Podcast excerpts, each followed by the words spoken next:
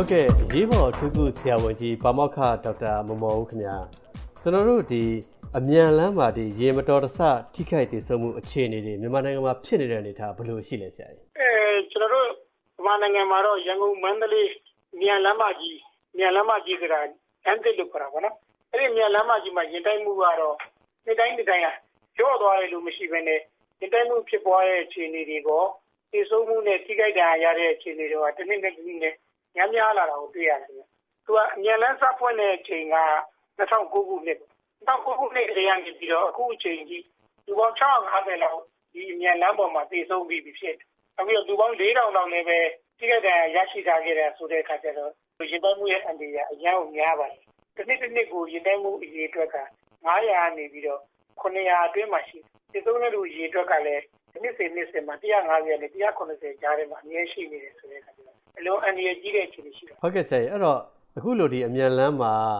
ရတိုက်မှုတွေဒီမတော်တဆမှုတွေပေါ့နော်ဟိုဖြစ်လာတာတွေများနေတဲ့အတွက်အခုလည်းမချသေးခင်ကပဲဒီဖျားဖူးရင်ဟိုပေါ့နော်ဟိုပြက်လို့ရက်ထားတာပေါ့နောက်ကနေဒီအမြန်ကားတစ်စီးကနေတိုက်မိပြီးတော့အနည်းဆုံး14ဦးသေဆုံးသွားတာကိုကျွန်တော်တို့ကြုံခဲ့ရပါတယ်ဆရာအဲ့တော့အခုလိုဒီအလားတူဖြစ်ရမျိုးပေါ့နော် မကြုံရလေအောင်ကာကွယ်နိုင်မှုအတွက်ဆိုလို့ရှိရင်ဆရာအဓိကဘာတွေလုပ်ဖို့လုပ်မလဲဒါတော့ဒီခုလောလောဆယ်မြန်လမ်းပေါ်မှာဖြစ်နေတဲ့ရင်တိုက်မှုရဲ့အများစုကတော့သူက speed ကြောင့်များတာဖြစ်တယ်နောက်တစ်ခုကကျတော့လမ်းရဲ့အနေထားပေါ့နောက်တစ်ခုကကျတော့ရင်မောင်းတွေရဲ့ကျွမ်းကျင်မှုပေါ့နောက်တစ်ခုကကျတော့ရင်စည်းကမ်းလမ်းစည်းကလိုက်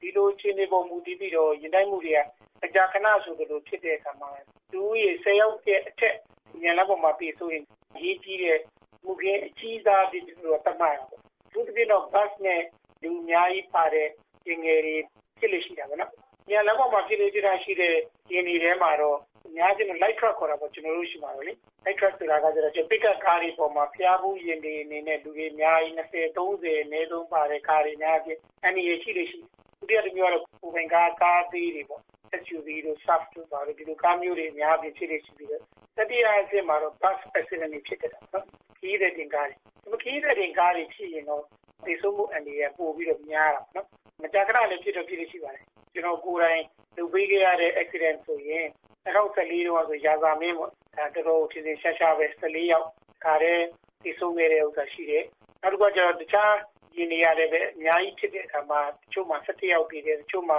ကျင်းမီးလောင်လို့ပဲ9ယောက်အခါတည်ခဲ့ဘူးလေဟုတ်ကဲ့ဆရာရေဆရာပထမအဦးဆုံးပြောခဲ့တဲ့အဓိကအကြောင်းဖြစ်တဲ့ဒီမိုင်းနှုံးပေါ့ဆရာ speed ပေါ့အဲ့ဒါနဲ့ပတ်သက်လို့ရောဆရာကြီးဘယ်လိုအကြံပေးခြင်းလဲကျွန်တော်တို့ ရန်ကုန်မန္တလေးမြန်လမ်းရဲ့ speed က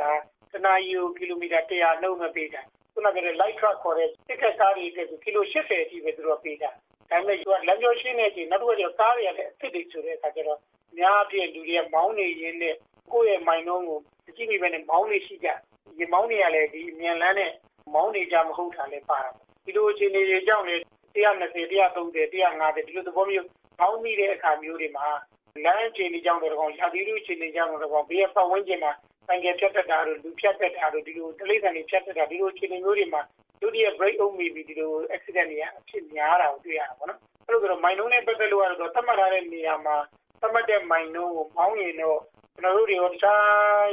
ဝေးပြေးမောင်းနေတဲ့လူတွေအကုန်လုံးသိပါတယ်အဲ့ဒီမိုင်နှုန်းတိုင်းမောင်းရင်အနေရတော့နေတော့နေပါတယ်မခီးရတော့သူက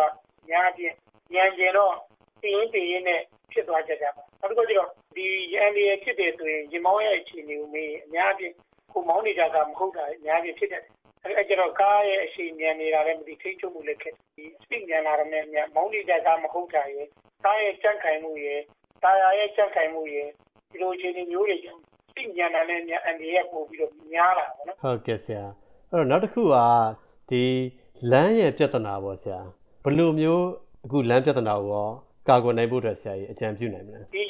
ရင် ထိခိုက်မှုအနေနဲ့ဖြစ်တဲ့နေရာတွေကိုကြည့်ရင်လည်းပဲဒီတကွေးမှာဖြစ်တယ်ဆိုရင်ဒီခွေးမှာမကြာခဏဆိုသလိုဖြစ်တတ်တော့လမ်းရဲ့ဒီဇိုင်းကြောင့်လည်းဒီဥစ္စာအများပြပါနေတဲ့ဆိုမှရှိချို့နေရာတွေဆိုရင်လမ်းရဲ့အကွေးကောက်လုပ်ထားတာတို့လမ်းမှာပေးမှာ barrier ထားတာတို့လမ်းချော်တာတို့ဒီလိုအခြေအနေမျိုးလမ်းကျင်းတာဒီလိုအခြေအနေမျိုးတွေမှာမကြာခဏဆိုဆိုဒီမိုင်းတိုင်းမှာပဲတစ်ခါသုံးခါလေးခါအဲ့လိုဖြစ်လေဖြစ်တာရှိတော့ဒါတွေပြပြရမယ်တဘောပေါ့နော်ဒီလမ်းပေါ်မှာ road sign တွေရှိတယ်ဗျလမ်းရဲ့ driveway မှတ်တာလေ driveway မှတ်သားတွေမှာဝေးရှိတယ်အချိန်လျှော့မောင်းပါလို့ပြောတယ်ပေါ့နော်။အဲ့ဒါမှကျွန်တော်တို့အဲ့ဒီကွေးကို engineering ရတကယ်တော့ချို့သောနေရာတွေမှာဟိုအရန်အန်ဂယ်ချိုးတာများနေရင်ဒီဒီကြကြဖြောက်သွားအောင်လုပ်ဖို့တင်တာမျိုးတို့။တစ်ခါကြရင်ကျွန်တော်တို့ကဟိုလမ်းချော်သည်ဆိုတဲ့စိုင်းဘုတ်ကိုရေးထားတယ်တကယ်တော့လမ်းချော်သည်မချော်အောင်ပြင်နေခြင်းလားမျိုးဆောင်ပြင်လိုက်ရတယ်နဲ့ချော်တယ်ချော်တယ်ပဲခဏခဏရေးထားတဲ့အခါမျိုးကြတော့ဒီလေနောက်ကားတွေကလည်းခဏခဏဖြစ်နေတယ် နောက်တစ်မျိုးကရန်ကုန်မန္တလေးလမ်းပေါ်မှာထူးခြားခြင်းနဲ့ဒီနေရာဒီရင်တိုက်မှုအများဆုံးဖြစ်သောနေရာဖြစ်သည်ဆိုတဲ့စိုင်းဘုတ်တွေရှိရင်တိုက်မှုအများဆုံးဖြစ်သည်ဆိုတဲ့စိုင်းဘုတ်ရှိပေမဲ့ဒီနေရာရုပ်ဒီဇိုင်းတွေအပြောက်မလိုအောင်ဖြစ်နေလားဆိုတော့လည်းဖြစ်နေတာပဲဒီလိုအခြေအနေမျိုးပေါ့နော်အန်ရယ်ပေးတဲ့စိုင်းဘုတ်တွေကိုတတ်ထားရုံတွေမကပဲကျွန်တော်တို့ကြံပေးနေတာအန်ရယ်ဖြစ်စေတဲ့အကြောင်းရင်းကိုရှာပြီးတဲ့အင်ဂျင်နီယာတွေတက်ပြီးများနဲ့ကျွန်တော်တို့အဲ့ရုပ်ဒီဇိုင်းတွေကိုပြောင်းရင်တော့ဒီနေရာတွေမှာနောက်တစ်ကြိမ်ထပ်ဖြစ်တဲ့အကြိမ်ရတဲ့ကနည်းသွားမယ်လို့ထင်တာဟုတ်ကဲ့ဆရာ နောက်တစ်ခုကဒီရင်မောင်းကျွမ်းကျင်မှုနဲ့ပတ်သက်လို့ရောဆရာကြီးရင်မောင်းကျွမ်းကျင်မှုမရှိဘဲနဲ့မောင်းနေဆိုတာကတကယ်ချင်းပေါင်းတင်နေတဲ့မိသားစုနဲ့ဒီလိုလာတဲ့အခါမှာတယောက်တလဲမောင်းတဲ့အခါမှာကိုမောင်းနေတဲ့ကားမဟုတ်တယ်ကျွန်တော်တို့ရဲ့တူတူကမှအဲ့ဒါတွေ့တာနောက်တစ်ခုကကျတော့ရင်မောင်းတွေကပင်ပန်းပြီးတော့နောက်တစ်ခုကကျတော့ဟိုဘောအိတ်ငိုက်သွားတာပေါ့နော်အိတ်ငိုက်လို့ဖြစ်တဲ့ဥစ္စာဒီကျွန်တော်တို့မြန်မာနိုင်ငံရဲ့ရန်ကုန်မန္တလေးလာမှာသူအဖြစ်များတယ်ကြီးကဝေးတဲ့အခါမှာသူကညအေးပြက်ပြီးမောင်းတဲ့ဗတ်ကမောင်းတဲ့လူလိုဟာမျိုးတွေ နောက်တစ်ခုကကျတော့တစ်ခုခုပင်ပန်းနွမ်းနေခဲ့ပြီးတဲ့အချိန်မှာမောင်းတဲ့အချိန်တွေမှာတော့ accident ပိုဖြစ်တာပိုတွေ့တယ်တကယ်ပင်မနှွမ်းနဲ့နေလို့မမောင်းနိုင်တဲ့ဒါမှမဟုတ်အိမ်နိုင်နေအေးပြက်နေလို့မမောင်းနိုင်တဲ့အခြေအနေမျိုးတော့တကယ်တော့မမောင်းနိုင်တဲ့တခြားလူတယောက်မောင်းတာတော့အကောင်းဆုံးပဲပေါ့နော်သို့တော်လည်းပဲအဲ့ဒီလိုမျိုးမောင်းနေတဲ့အချိန်မှာနားဖို့တကယ်တော့ညာပြီးတော့ထုံးတယ်လည်းမ highway ပေါ်မှာမိုင်90မောင်းပြီးခဏနားပါဆိုတာမျိုးလူတွေရှိတယ်လေအဲ့လိုဆိုတော့မိုင်90လောက်မောင်းပြီးနားရမယ်နားရမယ်နားပြီးတော့မှတခါ ပြန်သက်တာတော့မှတခါမောင်းဟုတ်ကဲ့ကျေးဇူးအများကြီးတင်ပါတယ်ဆရာ